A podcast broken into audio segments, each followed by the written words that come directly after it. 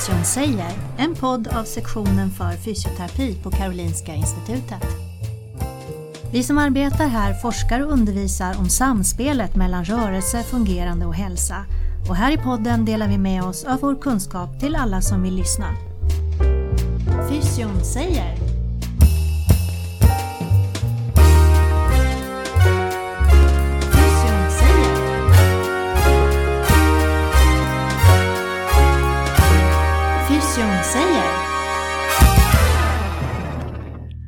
Välkommen till Fysion säger. Mitt namn är Wim Groten. Jag jobbar på Karolinska Institutet. Neurobiologi, vårdvetenskap och samhälle.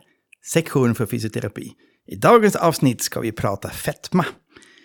Och då har jag bjudit in Marcus Brissman som jobbar hos oss. Och han har precis blivit färdig med sin doktorsavhandling. Stort grattis Marcus! Tack så hemskt mycket Wim. Roligt att få vara här. Vilken grej! Ja, eh, det har tagit några år. Nu är det klart. Hur många år då? då? eh, jag har ju jobbat inom det fältet sedan 2010. Mhm. Och jag skrev min magisteruppsats inom området och har sedan 2015 varit registrerad doktorand. Ja. Sen har det kommit två barn däremellan och Ja. lite annat. Så att eh, Ibland är det så att livet kommer emellan. det, det får du gärna göra. Men det har tagit lång tid och jag är glad att det är över. Jag kan förstå det. Innan vi börjar, Marcus, vem är du? Marcus Brissman heter jag. Jag är sjukgymnast och lärare här på grundutbildningen för fysioterapeuter. Sen är jag eh, eh, forskare på Cleantech. Ja. Har jag nu mitt eh, postdoc-projekt. Och sen är jag kliniker. Ja, tre ben har du. Eh, jag har två, så jag haltar lite. Men jag bara, just nu är jag bara 10% i klinik. Ja. Så nu är du expert inom detta ämne. Och vad handlar det om då? Jo, det handlar om gastric bypass, eller vad säger man på svenska? Ja, överviktskirurgi eller fetmakirurgi.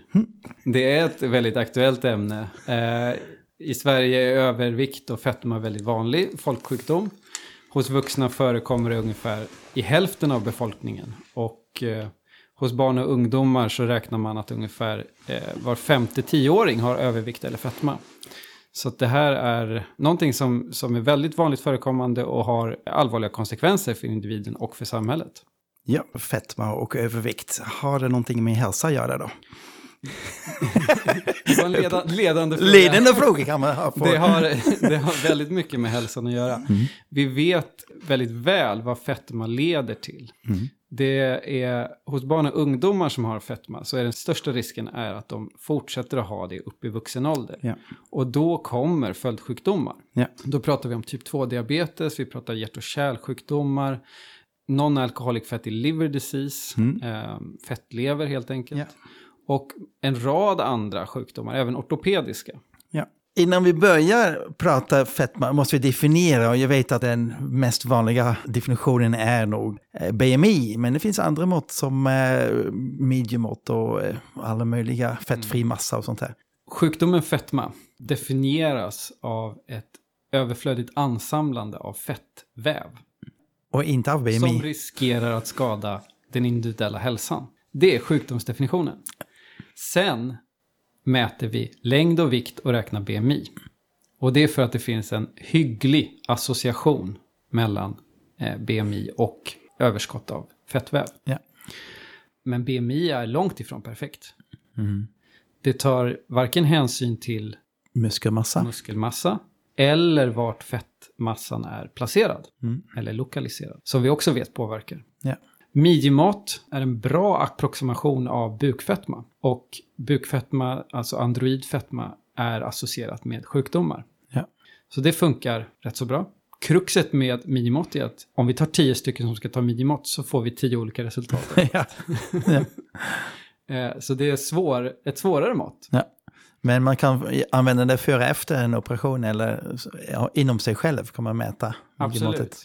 Det finns ju även andra mått som är mer indirekta av uppskattningar av kroppssammansättningen också. Just det. Eh, rätt vanligt förekommande är ju bioimpedans. Man Ja. ställer sig på en våg och håller i ett par handtag och så mäts eh, hastigheten på en ström som passerar Ja. genom kroppen. Och då får man ut en uppskattning av hur mycket som är fettmassa och hur mycket som är muskelmassa. Mer sofistikerade mätmetoder finns ju också med DEXA-scan som då är utvecklad för bentäthet men som kan identifiera både muskel och fettmassa. Mm. Och sen ytterligare eh, finlir så har vi de här magnetkamerorna som kan titta på mer visceralt fett också. Ja. Så att det, fetma är, det är lätt definierat men svårmätt. Ja, det här var en bra sammanfattning. Jag läste också i din avhandling att du skrev den obesities paradox. Mm. Vad är det då för något?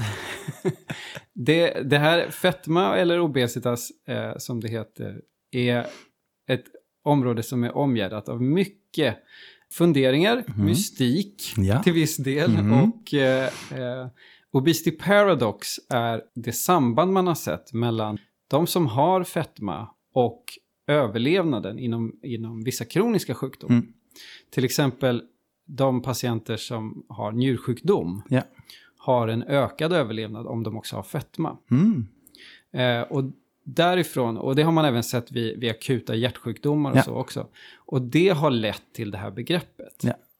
Nu är det kanske inte så enkelt. Nej, det brukar inte vara så. Och paradoxer är sällan enkla. Ja. Det finns även de som ifrågasätter att det skulle finnas en sån här paradox. Ja. Utan att det är en statistisk anomali. Eh, det, det är fortsatt Mm. ett ämne som inte är eh, klart. Men utgångspunkten för det här eh, samtalet är då att fetma är inte något så bra. Det, det tror jag de flesta är överens om. Okej, ja men då kan vi börja där. Ja. Ja, för att jag blev lite intresserad. Oj, är det fetma bra ibland? Men eh, det, vi kan säga att det inte är Det, så. men det, det, det är inte så svart eller vitt. Nej, Alltså om du kommer upp i åldern, Ja. säg 80 plus, just det. eller 70 Då är det plus. undernäring ett Då, större då problem är kanske. sä- säkerligen undernäring ett större problem än övernutrition. Så att, och det perspektivet måste vi också någonstans ha. Vi kan inte måla upp det svart eller vitt. Nej. Utan vi måste utgå från varje individ. Härligt. Kanske en enkel fråga eller svår fråga, men hur uppstår fetma? All fetma uppstår eh, som en effekt av ett, en positiv energibalans. Det vill säga att intaget av kalorier är större än utgiften av kalorier. Och det är så. Ja. Sen finns det massa komplicerande faktorer. Ja. Men ska man hårdra det så är det så enkelt. ja. Det var väldigt intressant. I en avhandling brukar man skriva olika faktorer som orsakar olika saker, men du skriver inte what, du skriver why. Kommer du ihåg den raden? Nej, det kommer jag inte ihåg. Du skriver, eh, du skriver så här. The question is not Ja, ja. what causes obesity, but rather why people consume too much. Det stämmer. Ja, nu, nu är jag med. Ehm, det tyckte jag var så intressant mening. ja, nej men det, det kan inte gå till på något annat sätt. Nej. Du kan inte gå upp i vikt om du inte äter. Nej. Eller dricker. Ingen osmos eh, i badkaret. Nej. Nej, jag har stött på eh, i litteraturen en del som kallar sig luftomaner. Ja, Det vill säga att man lever på luft och solljus. Eh, men, men det är anekdotiska beskrivningar. Ja. Nej. Och då förstår vi att det här är ett fysioterapeutiskt problem. När vi tänker eh, att uttaget handlar om energiförbrukning och fysisk aktivitet. Då. Absolut. Ehm, det, det finns två sätt att påverka och det är hur mycket man äter Ja. och hur mycket man gör av med. Och där finns vi. Ja. Det finns massa med åtgärder naturligtvis. Vi har viktminskningsprogram, vi har fettsugning, operationer som vi kommer in på. Hur, hur är det med evidensen för de olika behandlingar? Ehm, evidens och evidens. Eh, Eller vad vet vi? Så, så här. All fetmabehandling syftar till att skapa en negativ energibalans. Ja. Eh, det kan göras genom att man ändrar sin kost, att man Mm. minskar på intaget eller att man ökar sina energiutgifter genom att Ja. man blir mer fysiskt aktiv. Sen kan det här levereras på, på väldigt många olika sätt. Ja. Men även kirurgi syftar till detsamma. Ja. Att skapa en negativ energibalans. Ja. Pratar vi om fettsugning, Ja. eh, som, som är en intressant del av den kosmetiska kirurgin eh, så har man inte alls sett samma effekter av att reducera vikten. Och det är ju troligtvis för att man inte skapar en negativ energibalans utan man helt enkelt tar bort Ja. Eh, fettmassa. Ja. Eh, om vi pratar lite fettmassa då, det är väldigt intressant eh, vävnad. Där jag läser dina endokriniska funktioner och allt möjligt händer där. Ja, och, och synen på fettväv eller fettmassa har ju ändrats under de senaste decennierna. Från att ha sett som ett ganska passivt förvaringssystem eller organ så har man i samband med fettmans utbredning beforskat eh, detta organ mer. Och nu är man ganska, ja, man, jag ska inte säga att man har kommit i mål, men man har kommit mycket längre i förståelsen för, för fettväven och hur eh, olika då hormonella eh, signaler påverkas av både intag och av svält och av eh, balans. Ja. Eh, och, och hur dessa sen i sin tur då påverkar både hjärna och belöningssystem. Ja. Men även eh, andra organ som muskel och lever. Och, Mm. eh, så det, det är en, eh, en myriad av kommunikation mellan dessa kroppsdelar. Sen eh, vet vi också att det kommer på olika ställen då. Den sitter ibland i magen och ibland i rumpan. Eh, jag har läst någon, någonstans i Aftonbladet där det var sådana äppelformade eller Ja. päron. Ja. Eh, stämmer det fortfarande? Är det? Det, det är som på fastighetsmarknaden, location, location, location. Och, och vissa är mer farligare än andra, eller? Ja, Berätta. Eh, det, det är egentligen gamla nyheter. Eh, jag tror att det var fransmän på 20, 30, 40, 50 år sedan som började fundera över hur formen eller lokalisationen av fettväv påverkade hälsan.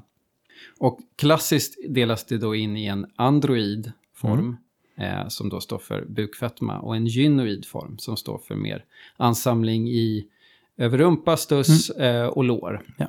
Och den ses som mer eh, ofarlig eller till och med skyddande mot vissa av de sjukdomar som annars uppträder. Om vi nu går in till den här eh, behandlingen som du tittat på i din avhandling då. Den här eh, eh, kirurgi då. Nu ska jag försöka uttala mig ändå det här ordet som heter Row and Y gastric bypass. Hur gick det? Det gick utmärkt. Tack så mycket. Eh, och din avhandling heter To cut or not to cut. Och eh, Mycket dramatiskt. ja, det var väldigt intressant. Och bilden på framsidan ser också ganska dramatisk ut. Det blir dålig radio här nu, men man inte ser bilden. Men det står en kirurg med en magsäck i handen och tittar hur fin den är. Ja, det är ju en anspelning på det gamla Shakespeare-verket. Just det. den är här med eh, To be skallen. or not to be. Ja, precis. Ja, det var jättebra. Det var fantastiskt eh, kul att, att kunna läsa den här. Och eh, där går det in till den här specifika operationen. Kan du berätta lite grann, hur, vad är det för operation? Det här eh, som jag har tittat på är en, en typ av operation. Den heter Roux-en-Y gastric bypass. Och det är eh, en operationsteknik som funnits sedan eh, 60-talet ungefär. Det man kirurgiskt, och det gör ju inte jag eller du, Nej. men det kirurgen gör är att man förminskar magsäcken, man behåller den proximala delen. Ja. Och sen eh, häftar man helt enkelt ihop de, den, den övriga delen som man har klippt så att säga. Sen för man upp en bit av tarmen. Ja. Eh, ungefär en och en halv meter ner kapas tarmen och så förs den upp till den här proximala delen. Ja. Den andra delen av magsäcken ligger kvar och kopplas sedan på tarmen. Och därifrån kommer också enzymer och, och leverns galla. Ja. Eh, så att födan passerar genom den lilla magsäcken som i, initialt bara är 15 till 30 milliliter stor Oj. volym. Inte ens en öl får plats. De, definitivt inte. eh, vätskor går i och för sig lättare. Ja. Och eh, den här lilla magsäcken, eh, den, den kan ses i relation till en, en normal volym om kanske en och en halv liter. Och för de som har eh, ätit mycket och töjt ut den så kan man se volymer upp till fyra liter. Oj. Så det är en extrem skillnad. Det som då händer efter operation är att man får äta väldigt små portioner under ganska lång tid. Och eh, magsäcken, den här lilla, blir snabbt full. den tömmer sig också ganska snabbt i tarmen. Ja. Och där tror man att man har en stor endokrin frisättning Ja. som påverkas. Som leder till viktstabilitet över tid. Men tekniken är nu 60 år gammal, 70 år gammal snart. Mm. Och eh, utförs sedan 90-talet genom laparoskopi eller titthålskirurgi. Ja. Och du har specifikt tittat lite på ungdomar och unga vuxna då? Det stämmer. Eh, jag har varit del i det som kallas AMOS, eller Adolescent Morbid Obesity Surgery Study. Mm. Där har vi följt ungdomar som genomgått den här operationen när de var mellan 13 och 18 år. 86 stycken fick göra det inom ramen för studien. Och vi har följt dem nu i 10 års tid. I den här avhandlingen, eller i min avhandling, så har jag resultat med från eh, innan operation upp till 5 år efter operation. Ja. Och sen har vi tittat lite på vad vi kan, om vi kan förstå mer vilka som går till kirurgi, hur stort behovet är utifrån det register som finns över barnobesitas eh, behandling i Sverige. Och sen har vi även sneglat lite på hur det går för vuxna som har genomgått den här kirurgin. Med Och hur gick det då? cliffhanger. Cliffhanger. Vi tar en liten paus här. Eh, om vi ska börja med, med ungdomarna. Ja. Så för en majoritet har det här varit väldigt bra. Eh, efter fem, fem år efter kirurgin finns, finns det fina resultat. Eh, viktminskningen är ungefär som hos vuxna i den kontrollgrupp som finns. Och eh, man har stora hälsovinster utifrån att man har väldigt liten risk att utveckla typ 2-diabetes eller andra komplikationer som kommer med Ja. fetman. Eh, för en del är det inte lika lyckat. En del har svårt att behålla den viktnedgång de Just har det. haft De efter upp kirurgi och de går upp i vikt. Ja. Och där ser vi också att de som inte lyckas bibehålla sin vikt, de riskerar troligen att få till, eller återfå risken snarare, Mm. att utveckla den här typen av sjukdom. Ja. Eh, Och hur stor eh, grupp var det? 23 procent? 30 procent? Av ungdomarna, vi, vi har använt en definition som, ehm, som förekommer i litteraturen Mm. om vad man kla- klassar som misslyckad kirurgi Ja. eller eh, treatment failure. Ja.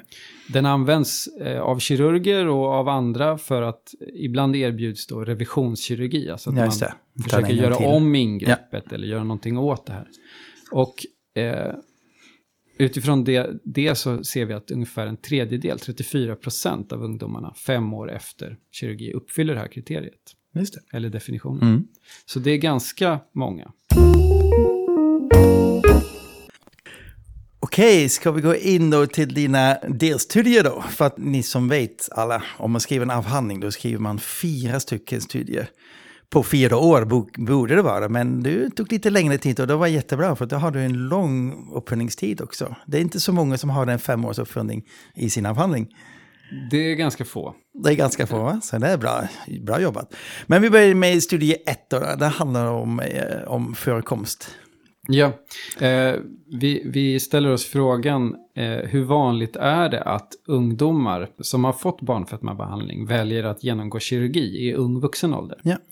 Och för att svara på det så, så kopplade vi det register som finns över barnfetmabehandling till andra register i Sverige. Det vill säga det medicinska, Ja. eh, med olika medicinska register och befolkningsregister. Mm. Eh, och vi fann att ungefär 8% hade genomgått kirurgi vid den tidpunkten vi gjorde uppföljningen. Ja. Och eftersom de var i väldigt varierande ålder då, Mm. eh, så gjorde vi en estimering av hur skulle det se ut om alla var, vore 30. Ja. Och då ser vi att ungefär eh, drygt 20% skulle ha genomgått kirurgi. Ja. Vilket talar om två saker. Dels är att det är ganska vanligt förekommande att man trots barnfetmabehandling går till kirurgi. Mm. Det säger också någonting om hur svårt det är att behandla barnfetma. Mm. Ja. Och det ställer också frågan, bör kirurgi finnas som ett alternativ Mm. i barnfetmabehandling? Cut or not to cut. To cut or not to cut? Mhm. Det som vi fann i den här studien som talar för att to cut Mm. är att från det att de går barnfetmabehandling till att de får kirurgin är det inte så många år. Nej. Vi följer dem upp till 18 år i barnfetmabehandling. Och Mm. medelåldern, eller medianåldern för kirurgi var under 21. Ja. Men på den tiden så ökar risken, eller förekomsten till och med, av eh, obesitasrelaterad Ja. sjukdom. Så de har läkemedel för typ 2-diabetes, högt blodtryck, blodfetter Mm. innan kirurgi. Och det talar ju för att skulle vi kunna intervenera snabbare med den mest potenta och kraftfulla åtgärd som finns, nämligen viktminskningskirurgi, Ja. så kanske vi besparar dem den sjukdomsbilden. Väldigt viktiga resultat. Om jag lyfter blicken lite och inte tittar bara på de här som är väldigt lite mer specifika. Om man tänker, har övervikt ökat eh, de senaste åren? De senaste 50 år? Eller hur, hur länge? Eh, ser vi ingen platå någonstans? Eh, det beror på vart vi tittar. I Mm. Sverige ser vi en platå. Ja, okej. I många västländer ser vi en platå. Den platån är väldigt hög. Mhm. Ja, vi har, det går inte att öka så? Jag tror nog att det går. Tittar vi på, på eh, liksom USA, där mycket eh, har hänt under ja, 40 år nu, Ja. sedan 80-talet, så eh, där är prevalensen betydligt högre. Och det är möjligt att vi, vi har hamnat på en platå, men att vi fortsätter den här trenden så kommer det öka återigen. Ja. Det är ingen som vet säkert. Men det är ett problem som vuxit fram sedan 70-80-talet. Ja. Då går vi över till studie två då. Vad hände där? I studie två så tittade vi eh, på vuxna. Ja. Om vi ställde oss frågan, är det, är det bra att ungdomar går till kirurgi? Eller hur många gör det? Mhm. Eh, så blir man ju nyfiken på, vad händer om man faktiskt går till kirurgi? Ja. Och för att få svar så behövs det väldigt mycket data och det finns på vuxna. Mm. Så vi tyckte det var rimligt att ta in dem i den här avhandlingen. Och vi ställer oss frågan hur många har en lyckad behandling och hur många har en mindre lyckad behandling. Ja. Eh, vad är insatsen och vad är resultatet? Så att säga. Mm. För att alltid är ändå komplikationer med en eh, sån eh, stort ingrepp ändå. Det, eh, all kirurgi medför komplikationer. Det Mm. finns akuta och sen finns det eh, mer specifika till den här typen av kirurgi. Ja. Och då pratar vi om risk för gallstenar, vi pratar brock. Mm. Det finns även psykologiska aspekter. Som ökad risk för missbruk, självskadebeteende och till och med eh, suicid. Mm. Nu är dessa risker väldigt små i förhållande till hur många som genomgår Ja. eh, operationen. Men inte att förringa. Nej. Och eh, i studien så vi inte, tittar vi inte så mycket på dessa saker utan mer på utfallet. Mm. Ja. Och utifrån definitioner om vad som är en lyckad behandling så tittar vi på eh, förekomsten av dem som inte har det. Ja. Eh, och hos vuxna ser vi då att ungefär en fjärdedel eller 23 procent no, eh, fem år efter kirurgi har inte en tillräckligt kvarvarande viktförlust. Det vill säga, de har gått ner bra under första, andra året Ja. kanske, men sen ökat i vikt. Ja. Ett annat alternativ är att de inte har gått ner särskilt mycket efter operationen heller. Mm. Så att, och, och det här kopplar vi då till metabola riskmarkörer eller Ja. förekomsten av sjukdomar. Och det här är verkligen, eh, som när jag läste då skriver du direkt, vi måste forska vidare här. Vad är det för faktorer som gör att vem drabbas av det här och vem inte? Sådana, det kallar vi för prognostiska faktorer. Det, det är definitivt värt att forska vidare på. Eh, Det finns en hel rad faktorer. Vi vet till exempel att de som eh, delar blodsband, Ja, det kan vara mor och dotter eller far och son eller syskon. Eh, De har mer lik effekt av kirurgin än de eh, partners som de lever med. För, att- för att förtydliga så här. Om mamma-dotter har Ja. opererats och dottern lever med en man som också har opererats. ja, Så är viktutvecklingen mer lik mamma-dotter än eh, dotter och hennes man. för att även om de bor i samma, Så samma kök hushållet- ja, spelar tydligen äter samma mat. roll. Nej, intressant. Ja, och vi vet att det finns en stor genetisk eh, komponent i förekomsten. Och det är ju rimligt att den också finns eh, och påverkar resultatet. Resultaten sen, ja. Då ser jag klockan eh, tickar iväg. Vi måste titta lite på trean och fyran också. Ja, visst. Ja, kör på. Vad händer då? I trean och fyran så tittar vi på den här ungdomsgruppen, eh, Adolescent Morbid Obesity Surgery. och vad är adolescent? Hur gammal är man, är man då? Bra fråga. Det definieras lite olika i litteraturen. Eh, I USA brukar man säga från 12 till eh, 19 år egentligen. Ja. Och i Sverige har vi sagt 13 Okej, till 19. till 19. Okej. Och i den här studien så är det mellan 13 och 18. Okej. Jag, jag vet inte, om man har skidåkare då är man eh, ungdom för, fortfarande fram till 21. Ja. och man kan spela i ungdomslandslaget i Ja. fotboll till 21. 23 Ja, 23 ibland lite. Uh, Ja. ja. Nej, vi ska inte Så, så lösa ålder, den. ålder är en knepig forskningsaspekt. Just det. Men dessa var mellan 13 och Ja. 18. Okej. Eh, och kom från hela Sverige. Mm. Alla opererades i Göteborg eh, mellan 2006 och 2009. Mm. Sen har vi då följt dem under eh, tio års tid. Ja. Och den första studien, då tittar vi på de som har gått på uppföljning i Stockholm. För där hade vi ett utökat studieprotokoll.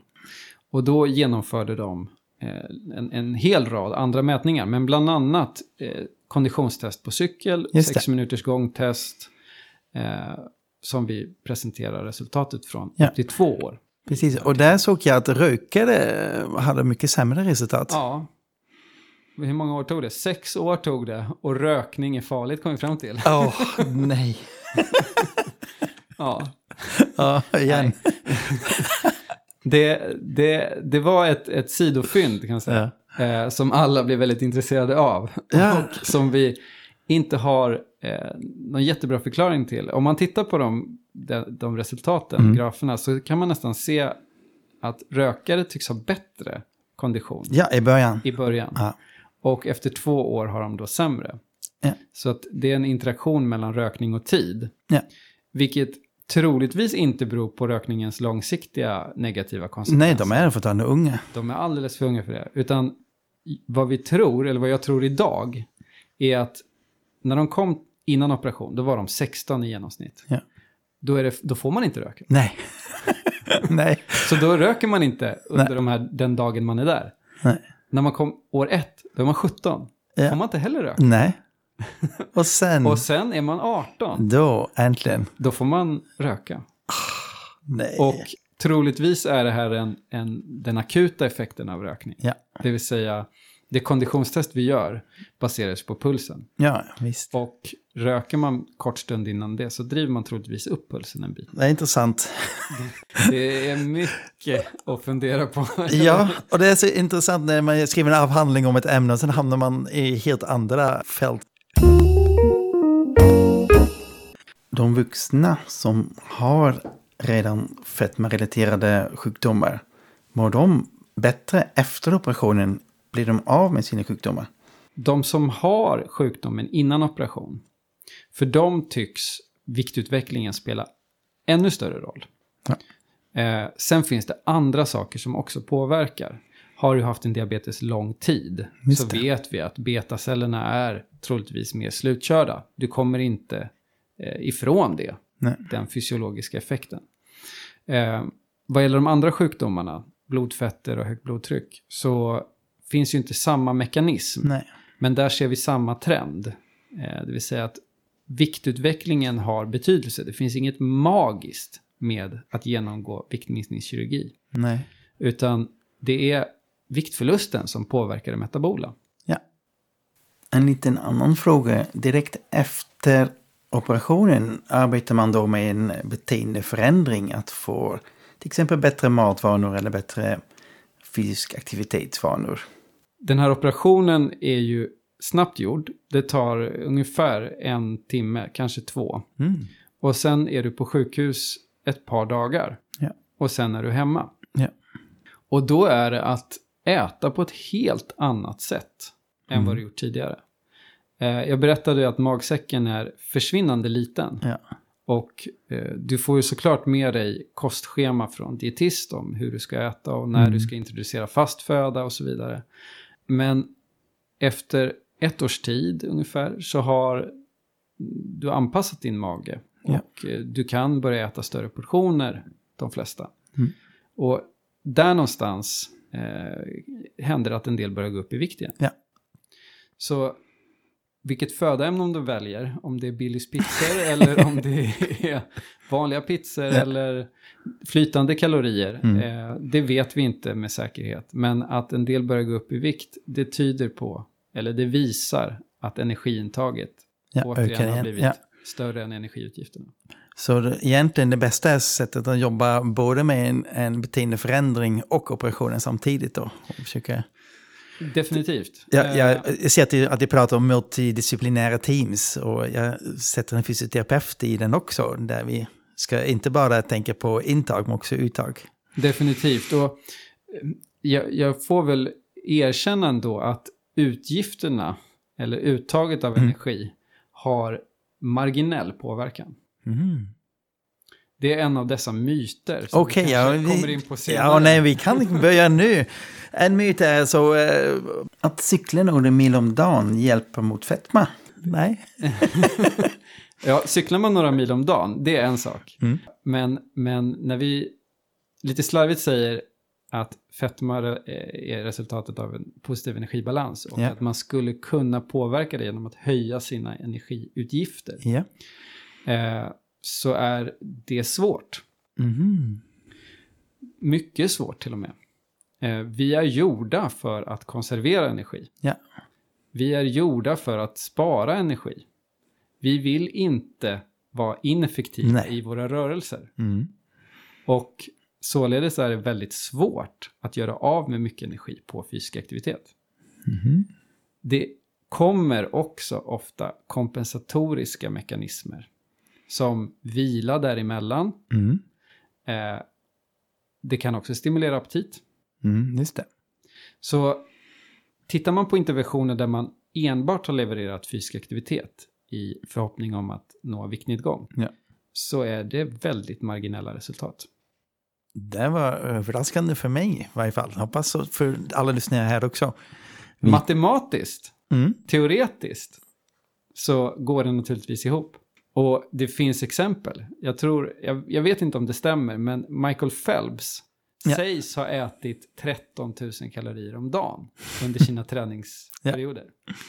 Eh, och det gick ju bra för honom, i Ja. alla fall i simning. Ja, visst.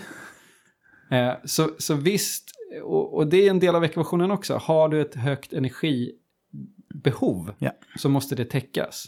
Eh, men allt däröver sparas. Mhm. Och det är svårt att få upp sitt energibehov så högt som Michael Phelps.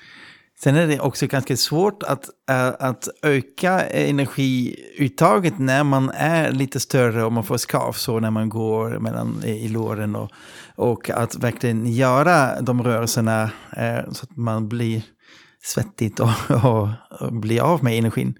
Ja, det, det stämmer. Eh, man har sett att fetma i sig kan vara en barriär för Mm. att bli mer fysiskt aktiv.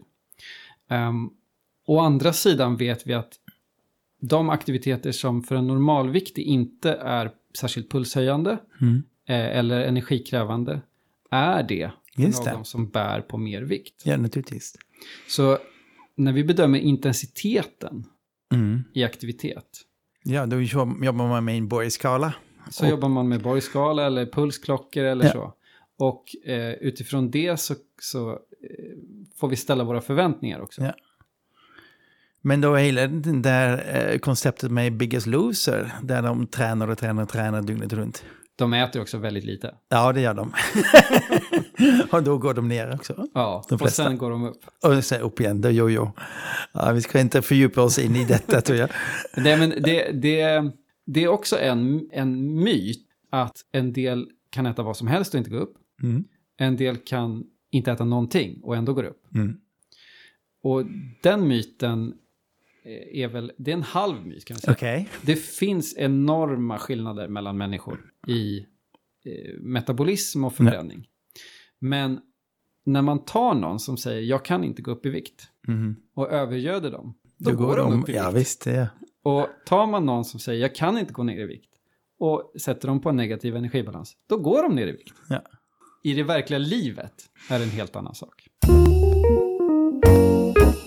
Bra, det har ju två myter som vi eh, bustade. Har du någon, en sista då? Det, oh, det finns för många. Oh, det är för många. Ja, du, kan, du får två till då. eh, det finns en oerhört tråkig stigmatisering Ja, kring Ja. de som har Mm. övervikt eller fetma. ja det måste vi bli av med. Ja. Eh, där, och stigmat säger att den som har övervikt eller fetma är ointelligent Ja. och lat. Ja. Och det stämmer inte. Mm. Om det skulle stämma, då skulle vi inte se den typen av ökning som vi ser i hela befolkningen. Nej, just det. I USA finns det oerhört snyggt visat från 80-talet i alla åldersgrupper. Mm. En ökning från 80-talet fram till Ja. nu. Och det skulle ju helt enkelt inte kunna vara så att det beror på att folk i alla åldersgrupper Plötsligt. blir, plötsligt blir lata. ointelligenta och lata. Nej, Det, det stämmer helt enkelt. nej. Skönt. Bli av med den i varje fall. Den Den är, är borta. borta nu. Okej, en sista då.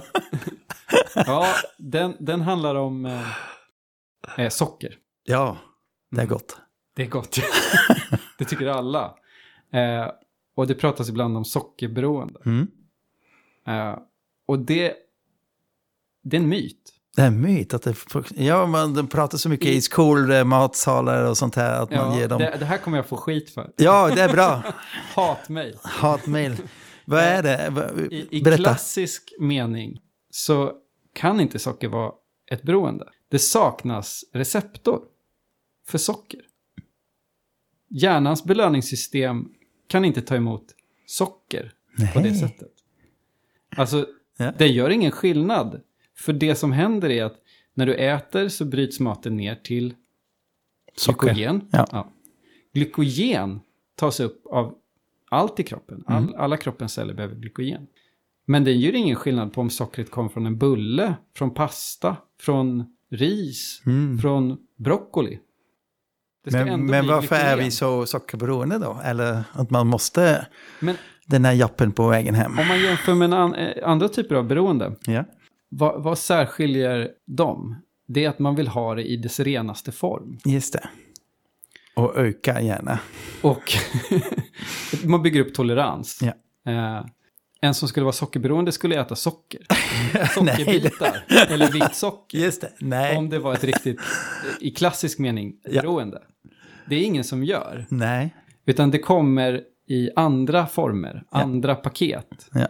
Det är läsk, det är godis, det är bullar, Ja. kakor. Ja, Mm. där hittar vi sockret. Men aldrig någon som sitter med sockerbitar och äter. Nej. Väldigt intressant. Ja. Eh, Men är det, eh, hur är det då med sockerskatten då som vissa länder har? Är det bortkastat? Det beror nog på sättet det genomförs skulle jag säga. Det finns både positiva och eh, verkningslösa exempel. Ja. Um, fetmakirurgi är inte lösningen Nej. på befolkningsproblemet. Alla ska definitivt inte genomgå fetmakirurgi. Det är reserverat för de som har allra störst behov Ja. och är tyngst. Eh, för alla andra så krävs det ju massa saker. Individen har ett ansvar, samhället har ett ansvar, eh, skola, allting där omkring har ansvar för att göra någonting. Det vi har provat hittills är att lägga, jag skulle säga 90-95% av det ansvaret på individen. Ja. Det har inte funkat. Nej. Det är en kompromiss mellan den fria viljan Mm. eh, och individuell frihet och vad som är, eh, vi vet är hälsosamt och bra. Vi gör ju samma typ av kompromiss när det gäller rökning, när det Mm. gäller alkohol Ja. eh, och trafiksäkerhet. Ja. Ehm, jag, jag tycker det är rimligt att man går mot det hållet, även vad gäller övervikt och fetma, när vi Mm. vet vilken skadeverkan det har. Ja. Ser att klockan har tickat väldigt långt och jag vill tacka dig så mycket att du kom till Fysion säger idag. Tack så mycket Marcus. Tack Wim, tack för att jag fick komma. Du har lyssnat till podden Fysion säger, en podd som sänds från sektionen för fysioterapi på Karolinska Institutet. Fysion säger